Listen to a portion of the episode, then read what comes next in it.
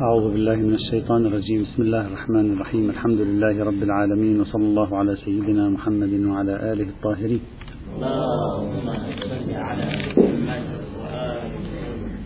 كنا نتكلم عن الخطوة الثانية من الخطوات البحث التاريخي فيما يتصل بوجود اتجاه مقاصدي أو عللي في المذهب الإمامي عبر التاريخ. الخطوة الأولى كانت مدونات العلل ومصنفات العلل وصولا إلى علل الشرائع للشيخ الصدوق. الخطوة الثانية كانت وجود منهج قياسي عند فئة ما من الطائفة الشيعية الإمامية في القرون الأربعة الهجرية الأولى. والشخصية الأبرز أو التي هي يعني وصل إليها هذا المنهج إلى القمة هي ابن الجنيد الإسكافي. قلنا بأن خلاصة ما قلناه بعد تتبع النصوص الأقدم تاريخيا التي تكشف لنا الموقف أن الرجل كان شخصية كبيرة بارزة ومدرسة بغداد التي كان هو في فلكها قريبا منها حملت عليه على ما يبدو لي حملة قوية أدت إلى تحييده وإبعاده وإقصائه عن المجتمع الشيعي في العواصم العلمية بغداد وأمثالها. ثم بعد ذلك اختفى ذكره إلى أن جاءت مدرسة الحلة. مدرسة الحلة بداية بالسيد ابن أدري بالشيخ ابن إدريس الحلي بعد ذلك ب أيضا سيد ابن طاووس المحقق الحلي العلامة الحلي. هؤلاء رفعوا من شأن الرجل ولم يكترثوا كثيرا لقوله بالقياس أو لعدم قوله رغم أنهم كانوا يناقشونه أن هذا القول الذي تقول هنا هو قياس والقياس باطل لكن بقيوا محافظين على حضوره في الحياة العلمية. هذا الذي نقصده. عادوا إحضاره في الحياة العلمية. أعادوا إحضار آرائه في الحياة العلمية لم يعيشوا معه حساسية تقتضي أن يقصى جانبا. وبعد ذلك في المدرسة العاملية كما قلت استمر هذا الوضع بل أكثر من ذلك في المدرسة العاملية عند الشهيد الأول والشهيد الثاني في بعض المواضع تم الدفاع عن بعض فتاوى ابن الجنيد ضد مثل السيد المرتضى. نجد الشهيد الثاني في بعض المواضع يدافع عن بعض فتاوى ابن الجنيد. ويختلف مع السيد المرتضى فيها. وهذه خطوة متقدمة إلى أن جاء السيد بحر العلوم رحمة الله عليهم جميعا. سيد بحر العلوم جاء وبدأ يحاول أن يحسن صورة الرجل. لأن الصورة هي يعني يحسنها يعطي تخريجا علميا لتحسين صورة لأن البقية لم يبحثوا فيه. من مدرسة الحلة إلى سيد بحر العلوم تعاملوا معه لكن لم لم نجد أحدا بحث هل قال بالقياس ما قال بالقياس لماذا قال بالقياس؟ أي قياس قال به؟ أصلا لا يبحثون. سيد بحر العلوم فتح تقريبا هذا الباب وأمثال سيد بحر العلوم كما سوف نرى الآن. طبعا أريد أن أذكر فقط استثناء فاتني أن أشير إليه بالأمس وهو أنه صحيح مدرسة الحلة رفعت ابن جنيد مرة أخرى لكن بقي بعض شخصيات مدرسة الحلة متأثرين بالشيخ الطوسي وما قاله الشيخ الطوسي وأمثال الشيخ الطوسي فأيضا هم حذفوه. الشخص الذي عثرت عليه هو شخصية معروفة يعني ليس بسيطة وهو عبارة عن الفاضل الآبي. الفاضل الآبي في كتابه كشف الرموز في الجزء الأول صفحة 40 يقول وأخللت بذكر ابن الجنيد. يعني لم أذكره. إلا نادرا. لما أو لما يعني لأجل أن لما ذكر الشيخ أبو جعفر يقصد الشيخ أبو جعفر الطوسي أنه كان يقول بالقياس فتركت تصانيفه أو فتركت تصانيفه إما هو يقول عن نفسه أو يكمل كلام أبي جعفر الطوسي رحمة الله عليه. فيتركه يقول أنا أخللت به لم أعتني بفتاويه وبفقهه لأنه كان يقول بالقياس. نعم يعني لم أحضره في كتابي. جئت بآراء العلماء يتكلم أنني ذكرت كذا وكذا لكن يقول أما ابن الجنيد فأنا يعني بقي ملتزما بالحالة التي كانت قبل مدرسة الحلة. آه في مدرسة بغداد بقي ملتزما بها. نعم. قلنا بعض كتبه وأعماله خاصة كتاب الفقه المحمدي الأحمدي الفقه المحمدي. يبدو هذا الكتاب كان موجود إلى زمن العلامة وبعيد العلامة أيضا. لكن لا أدري اليوم يبدو هذا الكتاب لم يعثر على مخطوط له مع الأسف الشديد. طبعا وهذه هذا النص من من كاشف الرموز من الآبي رحمة الله عليه. كالنصوص الأخرى التي سبقت هي حقيقة مأساة يعني بكل ما للكلمة من معنى أن يحدث فقيه له كل هذه الكتب لأجل أنه يتبنى نظرية في الاجتهاد الفقهي تختلف عنكم؟ فناقشوه فيها. كلما جاء بدليل ائتوا بالدليل وقولوا هذا مبني على القياس. فأين المشكلة؟ ويختلف العلماء فيما بينهم في المباني.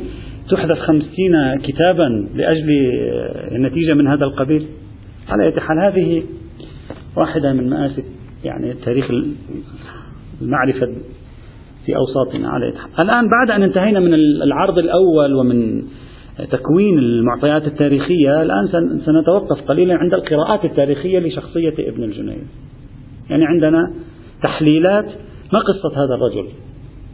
هل كان يقول بالقياس؟ ما كان يقول بالقياس. هل كان يقول بشيء آخر؟ هل فهم الرجل خطأ؟ ما فهم الرجل خطأ؟ توجد عندنا مجموعة من وجهات النظر. سأذكرها ومن خلالها سوف نرى هل كان الرجل يميل إلى نمط من الاجتهاد العللي يقترب من المقاصد أو لا. وجهة النظر الأولى. وجهة النظر الأولى ذكرها الشيخ أبي علي الحائري رحمة الله تعالى عليه في منتهى المقال. ذكرها السيد الخنساري في روضات الجنات أيضا وآخرون أيضا ذكروها. قالوا صار في التباس بين الشيعة في ذلك الزمان وبين ابن الجنيد. خلاصة هذا الالتباس على الشكل التالي. ابن الجنيد رجل كان يذكر مختلف الأدلة على مختلف المذاهب. هو لم يكن يعتقد بالقياس أصلا وأبدا ليس معتقدا بالقياس على الإطلاق طيب ما قصته؟ قصته أن الرجل لأنه كان يدون فقها إسلاميا يعني طريقته في التدوين الخط أو توجيه خطابه إلى الشيعة وغير الشيعة فكان يكتب على طرائق الاستدلال المختلفة دون أن يكون بالضرورة معتقدا بطرائق الاستدلال المختلفة. أبدا طريقته في التصنيف كانت كذلك. يعني بتعبيرنا اليوم أو بتعبير أمثال الشيخ محمد مهدي شمس الدين الرجل مدوناته الفقهية مدونة إسلامية وليست مدونة مذهبية. يعني عندما يكتب يقرأه السني والشيعي معا. طبعا هذه هي هنا القصة صارت معه. لا أنه بالضرورة عندما كان يستخدم القياس يعني بالضرورة هو مؤمن بالقياس هو لا يؤمن بالقياس. استخدمه ليثبت أفكاره عبر طرائق الاستدلال التي يؤمن بها ويثبت أفكاره لخصمه عبر مباني خصمه. هذه هي قصة الرجل كلها فلما رأوه يستخدم القياس نفروا من هذا الأسلوب. مش أنه هو يقول بالقياس نفروا من هذا الأسلوب لم يحبوا هذا الأسلوب فهجروه. هذه هي كل القصة. طبعا هذه ليست بعيدة الفكرة الآن الفكرة الآن ليست بعيدة أبدا. يعني الآن إذا يجي فقيه شيعي يصنف على الطريقة الإسلامية ويستخدم طرائق الاستدلال المختلفة عند المذاهب ويتعامل بخطاب فوق مذهبه ويناقش متى يقول وقال الإمام الشافعي دليلنا القياس وجوابه مبنائي وبنائي. مثلا الآن مش في القرن الآن أيضا يواجه هذه المشكلة. يعني ليست افتراض أبي علي الحائري ليس افتراضا خياليا هو افتراض حقيقي. الآن في بعض الأوساط السنية أيضا كما بعض الأوساط الشيعية. أنت في بعض الأوساط السنية إذا تكتب وتأتي بأدلة سيد الخوئي والسيد الخميني والسيد الطبطبائي يصبح الكتاب عليه علامة استفهام. الحوزات السنية مثلا لا تتقبله بارتياح. فالرجل ادعاء أبي علي الحائري أن هكذا قصته لا هو مؤمن بالقياس ولا شيء فهموه خطأ كل ما في الأمر أسلوبه التدويني في الفقه هو أسلوب متعال عن المذهبية دون أن يكون معتقدا بالقياس. طيب ويشهد لذلك. الآن جابوا دليل أيضا. قالوا نص للشيخ الطوسي في كتاب العدة كأنه يشير إلى ابن الجنيد هو لم يذكر اسمه لكن كأنه يشير إلى ابن الجنيد ماذا يقول الشيخ الطوسي في كتاب العدة؟ يقول في بحث حجية خبر الواحد يقول والذي يكشف عن ذلك ويتكلم عن بحث خبر الواحد أنه لما كان العمل بالقياس محظورا في الشريعة عندهم عند الشيعة لم يعملوا به أصلا. وإذا شذ منهم واحد إذا واحد شذ منهم عمل به في بعض المسائل. أو استعمله على وجه المحاجة لخصمه وإن لم يعلم اعتقاده. يعني استعمله على وجه الاحتجاج على الخصم لا أنهم علموا بأنه معتقد بالقياس. يقول الشيعة هكذا كان دأبهم الشيخ الطوسي يقول. يقول تركوا قوله وأنكروا عليه وتبرأوا من قوله حتى إنهم حتى أنهم يتركون تصانيف من وصفناه ورواياته لما كان عاملا بالقياس. يعني هذا النص أبو علي الحائري صاحب روضات الجنات يريدان استخدام هذا النص لأجل الوصول إلى هذه النتيجة أن طبيعة الفضاء العلمي الشيعي في تلك الأيام نحو فضاء لو شخص استخدم القياس حتى لو استخدمه للاحتجاج فقط على الخصم أيضا يتركونه. يعني إلى هذا الحد عندهم كان حساسية من القياس. يقول صاحب روضات الجنة هذا النص مؤيد أن ابن الجنيد رجل ما كان يؤمن بالقياس إنما استخدمه للمحاجة ولما كان هذا دأبهم حذفوه من الحياة العلمية. هلأ بحق بباطل اترك الحق الباطل. هم يعتقدون ذلك حقا. أنت بإمكانك تقول لا هذا خطأ منهم. بحث آخر. لكن هكذا كان التاريخ. ويساعد على ذلك أيضا من وجهة نظر هذا الرأي الأول أنه لما رجعنا إلى توصيف ابن معد الحلي الذي قرأناه بالأمس بنقل العلام الحلي لكتاب تهذيب الشيعة رأيناه يقول وكان يستدل بطرق بمضمون النص هكذا بطرق المؤالفين والمخالفين. وهذا يؤكد أن الرجل كان يستدل بطرقه وبطرق الآخرين أيضا فبنحو المحاجة ويؤيد ذلك والكلام كله لأصحاب هذه النظرية. ويؤيد ذلك أن الرجل ألف كتابين في موضوع طبعا هم يذكرون فقط كتاب كشف التمويه والالتباس. ألف كتاب كشف التمويه والالتباس في, في رد القول بالقياس. يعني أراد هؤلاء أن يفسروا كتاب كشف التمويه والالتباس الذي دونه ابن الجنيد على أنه يريد به رد القياس لا على أنه يريد به إثبات القياس. هذا مثل صاحب الذريعة. في الذريعة لما تكلم عن فصل الخطاب للمحقق النوري ماذا قال للمحدث النوري ماذا قال؟ قال هذا الكتاب اسمه فصل الخطاب في رد تحريف كتاب رب الأرض وهذا الكتاب بين أيدينا. لكن هو قال هكذا قصة ويذكر قصة طويلة أي حال فهكذا يريدون أن يقولوا. إذا خلاصة النظرية الأولى باختصار شديد هكذا. إن الرجل أي ابن الجنيد أبدا لم يكن قائلا بالقياس. كل ما في الأمر كان يستخدمه للاحتجاج الجدلي. الشيعة كانت حساسة حتى من هذا المستوى من توظيف القياس. رفضوه. هذا هو كل ما في الأمر. هذا التفسير الأول للمشهد التاريخي وفق رأي بعض العلماء. هذا الكلام الذي ذكروه أورد عليه المحقق الممقاني رحمة الله تعالى عليه. ما قبل؟ قال شو هذا التفسير؟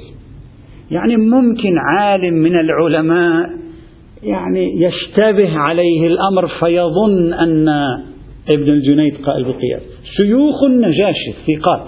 النجاشي قال شيوخنا الثقات. المفيد الطوسي فلان فلان. كلهم قالوا كان يقول بالقياس. أنت يعني تريد تأتي بنظرية فقط هكذا لكي نفترض افتراضات؟ وهالجماعة ممكن واحد منهم أخطأ اثنين أخطأوا. كلهم أخطأوا. الطائفة كلها تركت كتبه ويقول لأنه كان يعمل بالقياس. والشيخ المفيد في مواضع يقول كان يعمل بالقياس ويعمل بالرأي. يعني كل هؤلاء أخطأوا في فهم كتبه التي رأوها. وأنت فهمت كتبه التي لم ترها؟ هذا من عندي العبارة. وأنت يا أبا علي الحائري ويا صاحب روضات الجنة يعني فهمت كتبه التي لم ترها وهؤلاء الذين رأوها وهم أكثر من شخص لم يفهموا كتبه. والظاهر أن كتبه كان يستدل فيها بالقياس. مش أنه كان يحتج على خصمه السني بالقياس. لو كان يحتج على خصم السني بالقياس لقالوا وقد أساء فيما فعل وما كان ينبغي له أن يعتني بالقياس حتى في موقع المحاجة لا أن ينسبوا إليه القول بالقياس. واحد واثنين وثلاثة وأربعة. كبار علماء الطائفة نسبوا له القول بالقياس. سيد المرتضى الشيخ المفيد الشيخ الطوسي. وشيوخه شيوخه النجاشي. هذه الفرضية بعيدة من وجهة نظر العلامة الممقاني رحمة الله تعالى عليه. ولكن هذه الملاحظة التي يطرحها العلامة الممقاني على التخريج الأول للموقف التاريخي يمكن. يمكن الإشكال عليها. لماذا يمكن الإشكال عليها؟ لأننا لا نرى الآن بأعيننا كتب ابن الجنيد. يوجد احتمالين في كيف يدون ابن الجنيد كتبه. أسلوبه في التدوين الفقهي. ممكن نطرح احتمالين. احتمال لصالح المحقق المامقاني واحتمال لصالح أبي علي الحائري. ولما لم نكن نعرف طبيعة الاحتمال أي احتمال كان السائد فلا يمكن للمحقق المامقاني أن يشكل على أبي الحائري بما قال. احتمال الأول أن يكون ابن الجنيد هكذا يكتب. الحكم الشرعي كذا وكذا. دليلنا قوله تعالى وما روي عن رسول الله وخبر فلان عن الصادق عليه السلام وكذا وكذا وكذا. ونحتج على القائل بالقياس بأن القياس يجري هنا أيضا لصالح هذه الفتوى. يعني يكون تعبيره نحو تعبير يبدي فيه فصل القياس عن سائر الأدلة المختارة له بحيث يفهم القارئ أن القياس سيق لأجل الاحتجاج على القائل به لم يسق مساق غيره. هذا احتمال أن يكون مدوناته هكذا. إذا كان هذا الاحتمال هو الواقع فالحق مع المحقق المامقاني. يا أخي ما معقول؟ هؤلاء العلماء رأوا هذه الكتب ولاحظوا أن الرجل لما يذكر أدلته الخاصة يذكرها بشكل ينسبها لنفسه أما لما يريد استحضار القياس فهو يستحضره متحدثا عن أنه في سياق الاحتجاج على من يقول بالقياس نفسه ليثبت فتواه حتى على مباني الخصم فإشكال المحقق المامقاني في محله. هذا احتمال أول. الاحتمال الثاني. نعم لأن المحقق المامقاني أشكل على أبي الحائر ماذا قال؟ قال الشيخ المفيد والمرتضى والطوسي وشيوخ النجاشي لا يعقل أنه ملتبس عليهم الأمر فظنوه قائلا بالقياس وهو لا يقول بالقياس. هنا لا يمكن أن يكونوا قد ظنوه قائلا بال... نعم معه حق لأن الرجل سنخ تعابيره الفقهية ستكون تعابير تدل على أنه لا يقول بالقياس. فالحق مع المحقق المامقاني لكن في احتمال ثاني لكيفية المد... لأسلوب المدونات الفقهية لابن الجنيد. أن يكون الرجل لا. أصلا يؤلف كتاب للجميع. الدليل الأول كذا. الدليل الثاني كذا. الدليل الثالث الإجماع. الدليل الرابع القياس. هو لا يؤمن بالقياس لكن يأتي به لكي يثبت فتواه ثبوتا التي أثبتها ثبوتان بالكتاب والسنة مثلا لكنه يحشد الأدلة الأخرى التي تسعف في إثبات فتوى حتى على مباني الخصم دون أن يشير إلى تمييز. يعني يذكر الأدلة يسردها جميعا.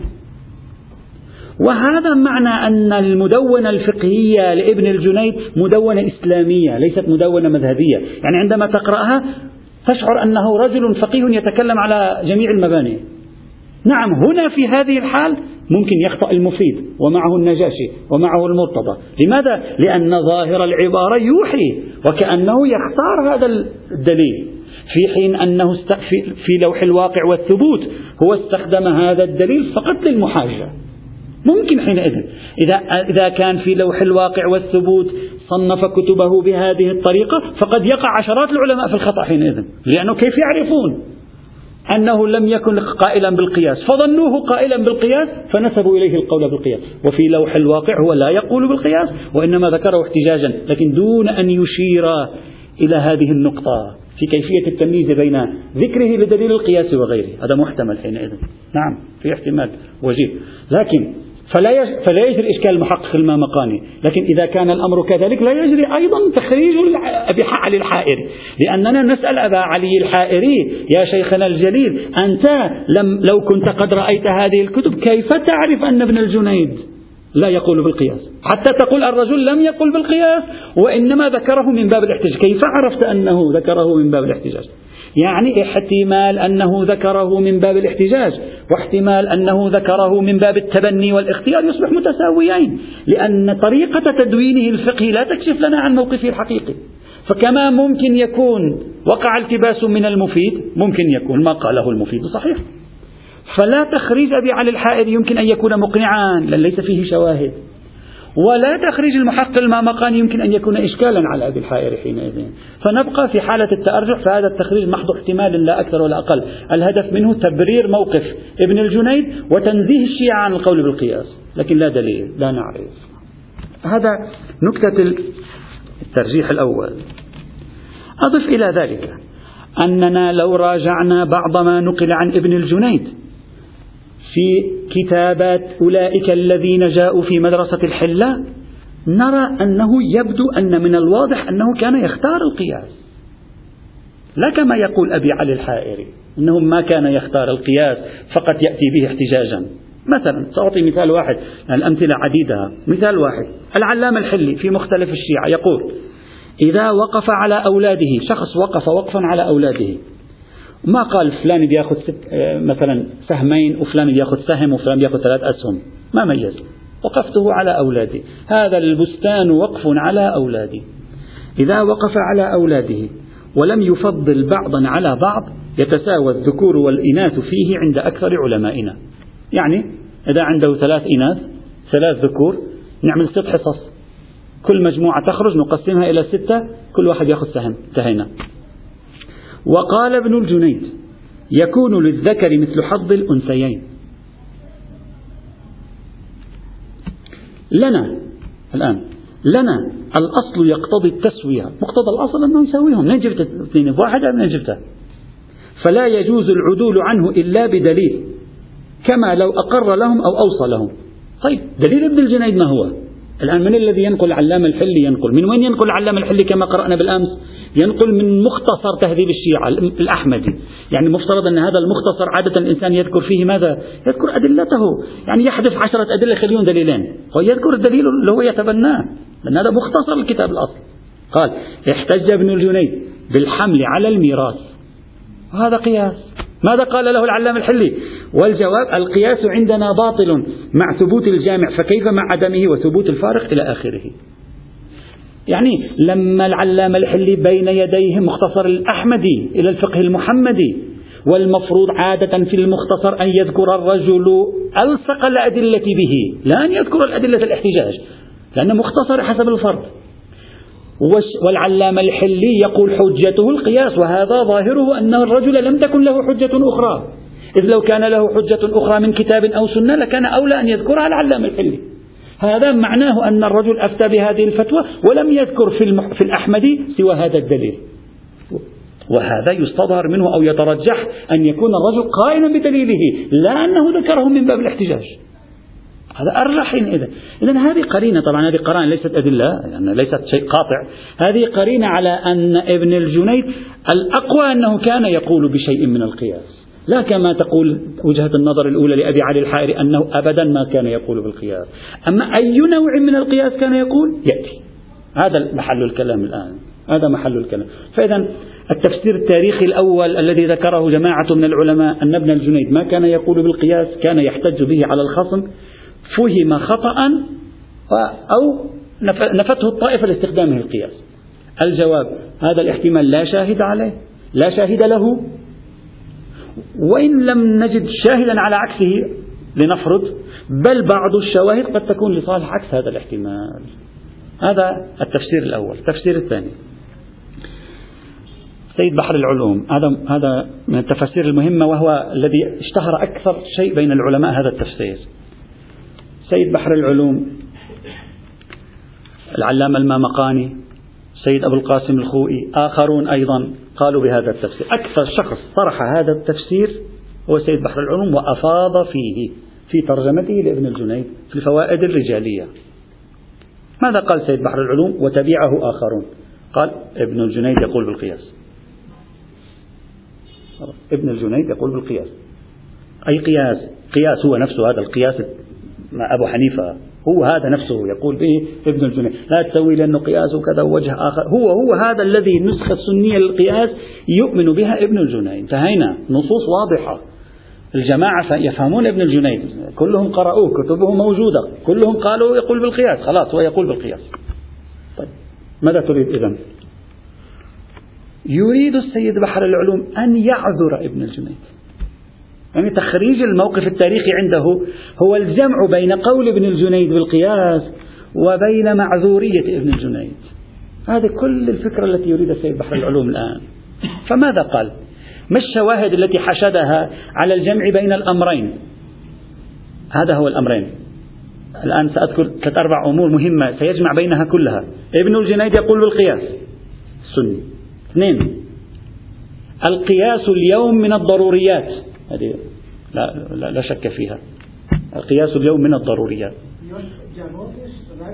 لا اليوم رده من الضروريات. القياس السني. رده من الض... اليوم رده من الضروريات. ابن الجنيد يقول بالقياس هذا القياس الذي يقول به ابن الجنيد اليوم نفيه من الضروريات. ثلاثة ابن الجنيد معذور. هذه التركيبة الآن سنرى كيف سيقدمها لنا السيد بحر العلوم؟ سيد بحر العلوم قال والوجه في الجمع بين ذلك وبين ما نراه من اتفاق الأصحاب على جلالته وموالاته وعدم قطع العصمة بينهم وبينه هو معتبر أنه ما قطعوا العصمة بينهم وبينه بقي حاضرا لكن يبدو أنهم قطعوا العصمة. شو بدك أكثر من هذا؟ قطع عصمة؟ وين في قطع عصمة أكثر من هذا؟ حتى ما يقبلون أن يذكر ويطرح كتبه تطرح في أوساطهم وهجروه لولا كتاب ضائع عثر عليه فلان وتبرك علينا العلامة الحلي ونقل ما كنا نعرف عن الرجل شيئا. هو قطع الصلة غير هذا ما هو؟ لا نعرف. يعني وليس فقيها صغيرا. حتى نقول يعني عنده كراسة صغيرة. رجل عنده خمسين كتاب وبعض كتبه أحد كتبه عشرين مجلد. قطع الصلة بينه يعني لا بأس. هو هكذا يقول. مقصود من قطع الصلة هنا على الأرجح ليس الصلة العلمية يعني هو يريد أن يثبت أنهم بقوا على القول بوثاقته وجلالته وعدالته. لكن هو معذور لكن ارموه جانبا. هكذا يعني حاصل الفكرة إذا أردت أن أبسطها. كيف نجمع القياس في ذلك الزمان؟ لم يكن من الضروريات. بعدين صار من الضروريات. ولا ضير في ذلك أبدا. إذ يعتقد سيد بحر العلوم بالنص الصريح أن بعض ما كان من الضروريات قديما ربما اليوم ليس من الضروريات وبعض ما كان من غير الضروريات قديما هو اليوم من الضروريات ولا ضير في ذلك. المتأخرون حصلوا على نصوص تجمعت لديهم أدلة تراكمت لديهم صار الأمر من الضروريات عندهم. المتقدمون بعضهم ما وصله ما وصلنا والعكس هو الصحيح أحيانا. أي إشكال في ذلك؟ هذه خلاصة الفكرة. خلاصة الفكرة. الرجل قال بالقياس لأن القياس كان مسألة إشكالية في ذلك الزمن ما كان مسألة بديهية كما تتصور أنت اليوم. كان مسألة إشكالية في ذلك الزمن. اليوم نعم هو مسألة ضرورية. هذه خليها في بالك. لا يريد السيد بحر العلوم بقوله بأن القياس في تلك العصور مسألة إشكالية أن يضعف من قوة رفضنا للقياس اليوم. إشكالنا سيأتي هنا الآن. خليه في بالك. هو الرجل لا يريد أن يضعف يريد أن يقول هو القياس ضروري لكن في ذلك الزمن لم يكن ضروريا. كونه في ذلك الزمن لم يكن ضروريا لا يعني أنك تجي الآن تقول لي مولانا القياس إذا ليس ضروري لا ضروري. هذا مهم بالنسبة لسيد بحر العلوم لأنه هذا إذا أنت كسرته سيخلق له مشكلة سيصبح القياس مسألة ليست من الضروريات. لماذا ليس من الضروريات؟ كبار علمائنا كانوا يقولون بالقياس. فضل بن شهدان كان يقول يونس بن عبد الرحمن لماذا تريدون أن تصادروا القضية وتقولوا ضروري؟ فأصر السيد بحر العلوم على نفي ضروريته فقط زمنيا واليوم هو ضروري. يعني اليوم بعد لا تناقش فيه لكن قديما ممكن تناقش فيه. هذه خلاصة الفكرة عصارة الفكرة وبالتالي ابن الجنيد معذور معذور ومخطئ مخالف للضروري اليوم. هذه عصارة الفكرة. ولذلك واضح يقول ولعل أمر القياس من هذا القبيل ومن هذا يعلم أن القول بالقياس مما لم ينفرد به ابن الجنيد من علمائنا وأن له فيه سلفا من الفضلاء. الأعيان كيونس بن عبد الرحمن والفضل بن شاذان وغيرهم فلا يمكن عد بطلانه من ضروريات المذهب في تلك الأزمان. لاحظ كلمة في تلك الأزمان. لم يقل لا يعاد من ضروريات فقط في تلك الأزمان. بل وأما إسناد القول بالرأي إلى الأئمة عليهم السلام لأنه نسب إليه يسند الرأي فلا يمتنع أن يكون كذلك في العصر المتقدم حتى في تلك العصور أيضا أن الأئمة يعملون بآرائهم بنحو يضر بالعصمة أيضا كان مسألة غير ضرورية نفيها لم يكن ضروريا برأي سيد بحر العلوم. وقد حكى جدي العلامة قدس سره في كتاب الإيمان والكفر عن الشهيد الثاني طاب ثراه هو يقول حكى حكى موجود في كتاب حقائق الإيمان للشهيد الثاني هذا الكلام موجود الآن في طبعة حقائق الإيمان للشهيد الثاني. أنه احتمل الاكتفاء في الإيمان أي في التشيع بالتصديق بإمامة الأئمة والاعتقاد بفرض طاعتهم. وإن خلا عن التصديق بالعصمة عن الخطأ. وادعى أي الشهيد الثاني أن ذلك هو الذي يظهر من جل رواتهم وشيعتهم فإنهم كانوا يعتقدون أنهم عليهم السلام علماء أبرار افترض الله طاعتهم مع عدم اعتقادهم العصمة فيهم وأنهم عليهم السلام مع ذلك كانوا يحكمون بإيمانهم وعدالتهم. هذا الفكرة. يقول حتى هذه نعم اليوم ضرورية. منكرها يخرج عن تشيع. قديما ليست ضرورية. منكرها يبقى شيعي. هذا لب الفكرة في هذا الإطار. طيب. هل عندك قرائن؟ يعني هل عندك تخريج على أن القضية في ذلك الزمان ما كانت ضرورية؟ أقول نعم. عندي توقع أن القضية لم تكن ضرورية بهذا الحد الذي تتكلمون عنه. اليوم. اليوم ضرورية نعم.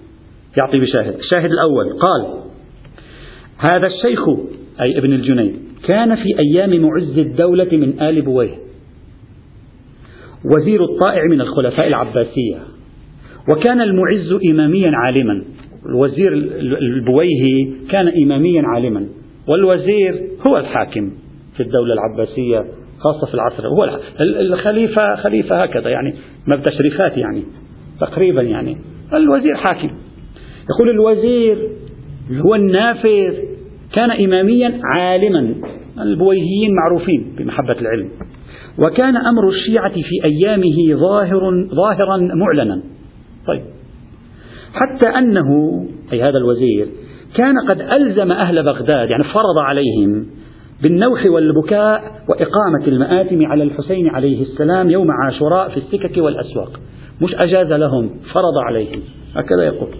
وبالتهنئة والسرور يوم الغدير والخروج إلى الصحراء لصلاة العيد يوم الغدير. ثم بلغ الأمر في آخر أيامه إلى ما هو أعظم من ذلك يعني تشدد أكثر في, في نشر التشيع وتكريس التشيع. طيب هذا الرجل هذا الرجل هذا الوزير البويه الذي هذه حاله طيب كيف يتصور من ابن الجنيد في مثل ذلك الوقت أن ينكر ضروريات من ضروريات المذهب ويصنف في ذلك كتابا يبطل فيه ما هو معلوم عند جميع الشيعة ولا يكتفي بذلك حتى يسمي من خالفه فيه أغمارا وجهالا. ومع ذلك يعني كيف يتوقع؟ مع ذلك سلطانهم أي الوزير البويهي مع علمه وفضله يسأله يكتب له رسالة ويكاتبه ويعظمه. ولولا قيام الشبهة والعذر في مثله لم تنع مثله بحسب العادة. إذا أول شاهد يعتبره السيد بحر العلوم شاهدا على أن مسألة القياس قديما ما كانت من الضروريات والآن هي من الضروريات. وبالتالي ابن الجنيد معذور هو شاهد سياسي إذا صح التعبير. الوزير البويهي مع علمه وجلالته ومع تشدده في المذهب كان يعظم أمر ابن الجنيد. تصور معي معقول يعني هذا الوزير البويهي يعظم أمر ابن الجنيد ويسائله ويكاتبه ويطلب منه العلم وهو يعرف أنه منكر لضرورة من ضروريات المذهب؟ الآن تحصل هذه؟ من شخص وزير أو له نفوذ سياسي ويكون يفعل شيء من هذا القبيل؟ يقول هذا غير ممكن. فإذا لا بد من افتراض أن القضية كانت إشكالية. إشكالية يعني قضية لم تكن بديهية. وبالتالي يقول لا بأس ما دام قضية فيها رأيين فأحد الرأيين رأي ابن الجنيد هذا الشاهد الذي يذكره هنا. الشاهد الثاني. هو العمدة عنده هو الشاهدان الأساسيان إضافة إلى أن العلماء يعني وثقوه وقالوا بأنه عادل. الشاهد الثاني. يقول ذكر اليافعي وغيره أن معز الدولة أحمد بن بويه توفي سنة 56 و300 356 فيكون بينه وبين وفاة أبي الحسن علي بن محمد السمري آخر السفراء نحو من 27 سنة. إذا الوزير البويهي هذا الثاني توفي بعد 27 سنة من وفاة آخر السفراء. طيب. لأنه قد توفي رحمه الله أي السفير الرابع سنة 29 و300 وهذا يقتضي أن يكون ابن الجنيد من رجال الغيبة الصغرى. قلنا بالأمس قلنا ابن الجنيد يترجح أنه ولد أواخر أواخر القرن الثالث الهجري يعني 290 295 ربما بقي إلى 360 370 380 إذا 290 يعني وين؟ يعني في الغيبة الصغرى. نحن نتكلم. طيب. يقول وهذا يقتضي أن يكون ابن الجنيد من رجال الغيبة الصغرى معاصرا للسفراء. بل ما ذكره النجاشي والعلامة من أمر السيف والمال قد يشعر بكونه وكيلا أنه كان يجمع الأموال. ربما كان وكيل للإمام في الغيبة الصغرى أيضا. الآن الشاهد. ولم يرد فيه مع ذلك من الناحية المقدسة ذم ولا قدح. هذا لو قائل بالقياس والقياس من ضروريات المذهب كان سيسلم من فتوى بكونه ضالا مضلا. ما سلم منها. مع ذلك لا ذم له. لا قدح فيه. لا من الإمام. لا من سفير هنا. لا من سفير هناك. هذا ما معنى؟ معنى القضية لم تكن بديهية. لأن شخصا بحجم ابن الجنيد لو خالف قضية من ضروريات المذهب وبديهياته في ذلك الزمان فمن المتوقع أن يصدر فيه شيء لأنه يشكل خطرا على هذه الطائفة. لم يصدر فيه شيء. إذا القضية ليست إشكالية. الآن سنتكلم بعد قليل. العلامة السيد سيد بحر العلوم ورطنا وورط نفسه بهذا الدليل. هو يقول هذا الدليل لأجل أن القضية ليست من الضروريات. بعدين الآن بعد شوي راح نشوف أنه ممكن تجعل هذا الدليل على أن القضية الحق معه يمكن يكون. تورطنا في هذا. سنرى الآن. ما حال ولم يرد فيه مع ذلك من الناحية المقدسة ذم ولا قدح ولا صدر من السفراء عليه اعتراض ولا طعن. فظهر أن خطأه في أمر القياس وغيره في ذلك الوقت كان كالخطأ في مسائل الفروع التي يعذر فيها المخطئ ولا يخرج به عن المذهب. ومما ذكرنا يعلم أن الصواب اعتبار أقوال ابن الجنيد ومذاهبه في تحقيق الوفاق والخلاف إلى آخره. إذا هذه حصيلة فكرة سيد بحر. طبعا السيد الخوئي وكذلك سيد الخوئي وكذلك العلامة المماقاني ما يشير إلى هذا التفصيل. يقولون مسألة اجتهادية أخطأ الرجل فيها. فبالتالي هو معذور. يعني ما يشير إلى أنه في ذلك الزمان لم تكن ضرورية الآن هي ضرورية. أصلا سيد الخوي يقول مسألة اجتهادية اجتهد فأخطأ فيها. خلاص انتهى الموضوع. ما يستدعي يعني أن يكون الرجل يعني آه، مثلا مشكلة أخطأ فيها. نحن نخالفه في ذلك. انتهى. يعني يبسطها السيد الخوي أكثر. سيد بحر العلوم ما يريد أن يقول ذلك لأنه إذا قال مسألة اجتهادية أوحى ذلك أو ربما دخل علينا من ذلك أن أمر القياس وجهة نظر. لا نريد أن نجعل أمر القياس وجهة نظر في الطائفة الشيعية. أمر القياس ليس وجهة نظر محرم فكري يعني ممنوع التفكير فيها. حسم الخيارات فيه. نقطة على السطر وانتهينا. أما لما تقول أخطأ اجتهاد وأخطأ فيه يعني أنت كأنك تجعله وجهة نظر. وجهة نظر يعني لم يعد من الضروريات. كأنك تفتح الباب على أنه ليس من الضروريات. لذلك كان إصرار سيد بحر العلوم على أن يدخل في هذه الطريقة من الحال. هذا حاصل النظرية الثانية في هذا الموضوع. نتوقف قليلا مع السيد بحر العلوم. الآن أنا ماذا أريد أن أتوقف؟ لا أريد أن أنتقد السيد بحر العلوم في قوله بأن ابن الجنيد يقول بالقياس. لا أنا أعتقد بأن ابن الجنيد يقول بالقياس لكن بمعنى. الآن سنتكلم بعدين. هذا خلي يقول بالقياس. ولا أريد أن أنتقده في أن ابن الجنيد مخطئ أو غير مخطئ. لا مخطئ ابن الجنيد. ما, تركنا هذا الموضوع ما في مشكلة. مركز الانتقاد سأذكر شواهد السيد بحر العلوم لأرى هل نستطيع أن نجمع بين هالأفكار الثلاثة؟ ابن الجنيد يقول بالقياس السني تماما. ابن الجنيد معذور القياس من الضروريات. اليوم هل فيك تجمع بين هذه الثلاثة؟ هذا هو تحدي السيد بحر العلوم. من جهة أراد أن يحافظ على أن القياس نفيه من الضروريات ومن جهة أراد أن يقول ابن الجنيد يقول بالقياس وهو عالم شيعي كبير ومعذور أيضا. هذا النقطة التي سنتوقف عندها الآن. أولا أولا يمكن لنا أن نوافق ابن الجنيد على أن العديد من ضروريات اليوم لم تكن ضروريات بالأمس. إذا سميناها ضروريات باليوم ضروريات ولكن بالأمس لم تكن. ربما العكس أيضا لا بأس. لكن إلى أي حد يمكن أن يكون القياس ضروريا اليوم ولم يكن ضروريا من قبل؟ خلينا شوية بس ما معنى ضروري؟ ضروري يعني خرج عن النقاش. ضروري يعني خرج عن مش إجماعي إجماعي بين المتأجماعي بين المتأخرين المسألة سهلة. أجمع المتأخرون على أشياء كثيرة. وخلاف إجماع المتأخرين ليس نقضا للضروري. الضروري شيء فوق الإجماع فوق الإطباق فوق التسالم باصطلاحات الفقهاء فوق الشهرة فوق كل هذه. ضروري ضرب من المفهوم الذي يتحول في التصاقه بالمذهب فقهيا أو عقائديا إلى شكل لا يمكن أن تناقش في انفصاله عن المذهب. يعني القول بانفصاله عن المذهب ليس وجهة نظر. أخرجته عن أن يكون وجهة نظر. إذا فصلته عن المذهب انفصلت أنت عن المذهب. يعني بمعنى لا تستطيع أن تجمع بين أن تكون شيعي معنى الضروري أن تكون شيعي وفي نفس الوقت تقبل بالقياس. وهذا معنى الضروري. إذا ليس هذا الضروري ما الفائدة من طرح هذا الموضوع. هل يمكن أن يكون القياس اليوم من الضروريات؟ لا من الإجماعيات عند المتأخرين إجماعيات واضح. هل يمكن أن يكون من الضروريات اليوم وهو في القرون الأربعة الهجرية الأولى باعتراف السيد بحر العلوم؟ كان كبار الفقهاء بعض كبار الفقهاء يقولون به هل هذه التركيبة منطقية برأيك أو ليست منطقية؟ طيب. الذي يقول بأنه ضروري يقول وردت فيه الروايات الكثيرة بالعشرات بل بعضهم أوصل الروايات في باب القياس إلى الخمسمائة كما هو في بعض النصوص بعض العلماء أظن سيد الخوئي وغيرهم أيضا. خمسمائة رواية أن الأمر من الواضحات البديهيات إلى آخره. لذلك هو ضروري عندنا. لعظم ما فيه من روايات ومن تأكيد ومن شواهد وقرائن على أن أهل البيت حاربوه أشد المحاربة. هذا وإلا كيف جاءت ضرورته؟ كيف جاءت؟ من هذا جاءت. طيب. ما أريد أن أقول؟ إذا كانت قضية القياس اليوم ضرورية فلا يعقل هذا الادعاء. فلا يعقل أن تكون في ذلك الزمان غير ضرورية. كيف تريدني أن أصدق بأن شخصا مثل يونس بن عبد الرحمن الذي روى مئات الروايات عن أهل البيت عليهم السلام منذ زمن الإمام الكاظم والإمام الرضا عليهما السلام.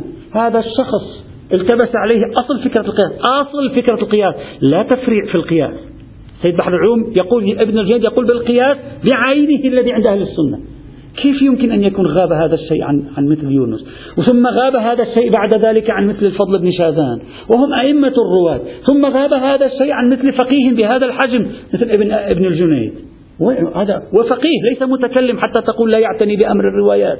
فقيه يهتم بأمر الروايات وكتب في الفقه وفي الأصول وفي الكلام. كيف يمكن أن يكون غاب هذا الشيء؟ كيف يعقل أن يكون قضية بحجم كما تصورها أنت فيها كل هذه الأدلة التي تجعلها لصيقة بالمذهب لا يمكن فصلها عن المذهب إطلاقا. فمن تركها فقد خرج من التشيع. كيف يمكن أن يكون هذا الأمر الآن وقضية بهذا الحجم لم تنكشف للمتقدمين؟ أنا لا أريد أن أقول كيف تكون يكون نفي القياس صحيحا ولم ينكشف للمتقدمين. لا ممكن أن أقول الآن القياس باطل ثبت عندي بالأدلة أنه باطل. المتقدمون أخطأوا في عدم إبطاله. لكن أما أن أقول هو ضروري ومع ذلك خفي على أشخاص من هؤلاء القبيل. أما كان يمكن ليونس بن عبد الرحمن يجي يسأل الإمام الرضا يا مولانا يا عزيزنا يا مقتدانا هل هذا القياس ما وضعه؟ يسأل سؤال. أكان أمرا صعبا أن يجي يسأل ويجيبه الإمام وتنقضي القضية. كيف خفي أمر من هذا القبيل على يونس إمام الرواة؟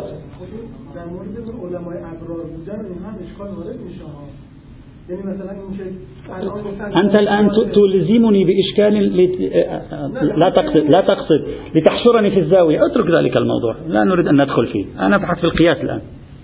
فليكن الإشكال واردا لكن أنا أبحث في القياس الآن فعلا.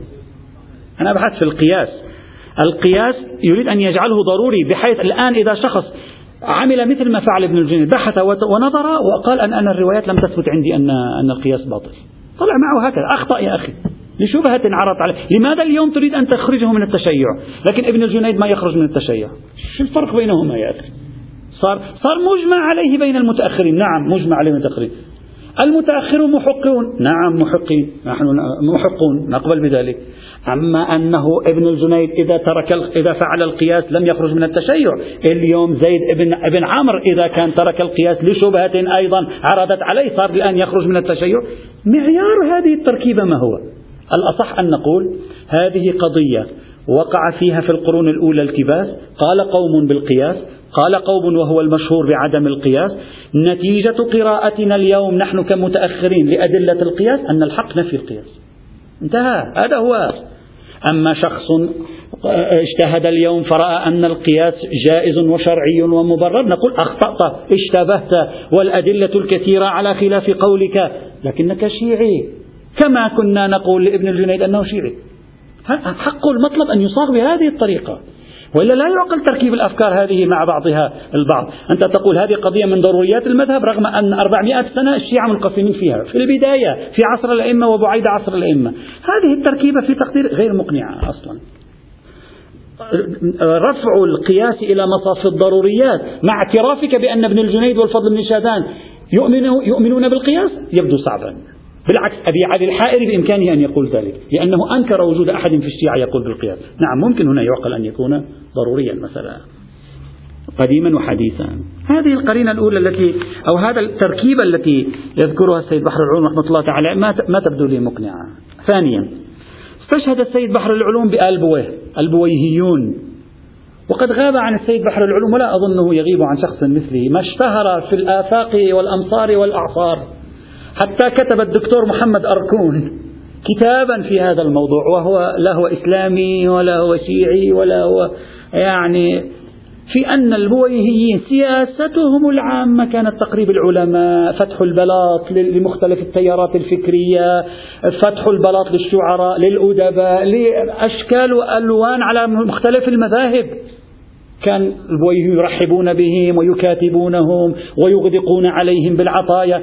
حتى عرف العصر البويهي بأنه عصر التسامح في الإسلام.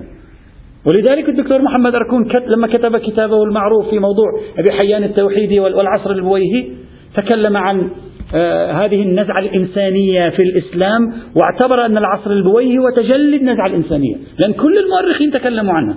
إذا كان الأمر كذلك كيف تستطيع أنت الآن أن تقول لأن معز الدولة ولأن لا أدري منه هذا الثاني آه، تتواصل مع ابن الجنيد فمعنى ذلك أنه لا يعقل أنه يراه آه، مخالفا للضروري. هو الرجل كانوا يتواصلون مع السنة بل يتواصلون مع أشخاص كتب في التاريخ أنهم زنادقة وملاحدة وما كان عندهم مشكلة معهم. البويه سياسيون محنكون وفي الوقت عينه يريدون مذهبهم. هذه سياستهم كانت.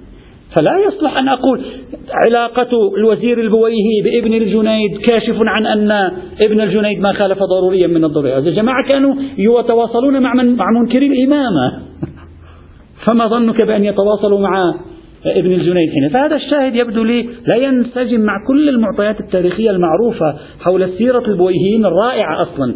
مفخرة لتاريخ الإسلام كانت سيرة البويهيين وتقدم وازدهر العلم في زمانهم حتى أن آدم ميتس المستشرق المشهور المعروف في كتابه يعني العصر الذهبي للحضارة الإسلامية القرن الرابع جعله القرن الرابع قرن البويهيين هو العصر الذهبي للحضارة الإسلامية وبعده بعد ذهاب البويهيين بمجيء السلاجقة بدأ الإسلام ينحدر وبدأت الحضارة الإسلامية تتراجع عقب سقوط بغداد سنة 448 إذا هذا الشاهد لا يبدو مقنعا. الشاهد الثالث الذي ذكره فتح علينا فيه أبواب جهنم إذا صح التعبير. وهذا إذا كان إذا كان الإمام سلام الله عليه وكان السفراء متصدين لتصحيح مسار الشيعة في عصر الغيبة وأنه كلما ظهرت فاجعة أو مشكلة أو انحراف فكري كانوا يتصدون لذلك إذا أثبتت هذه الكبرى فمعنى ذلك أن ابن الجنيد آه، لم يقل شيئا خطأ إذ كيف يقول معذور أو غير معذور؟ ما يهمني أن يكون معذورا يهمني فكره خطر على الشيعة أو لا. إذا كان الفكر القياسي خطر على الشيعة وكان مرفوضا حقا من أهل البيت لماذا لم يصدر توقيع منه؟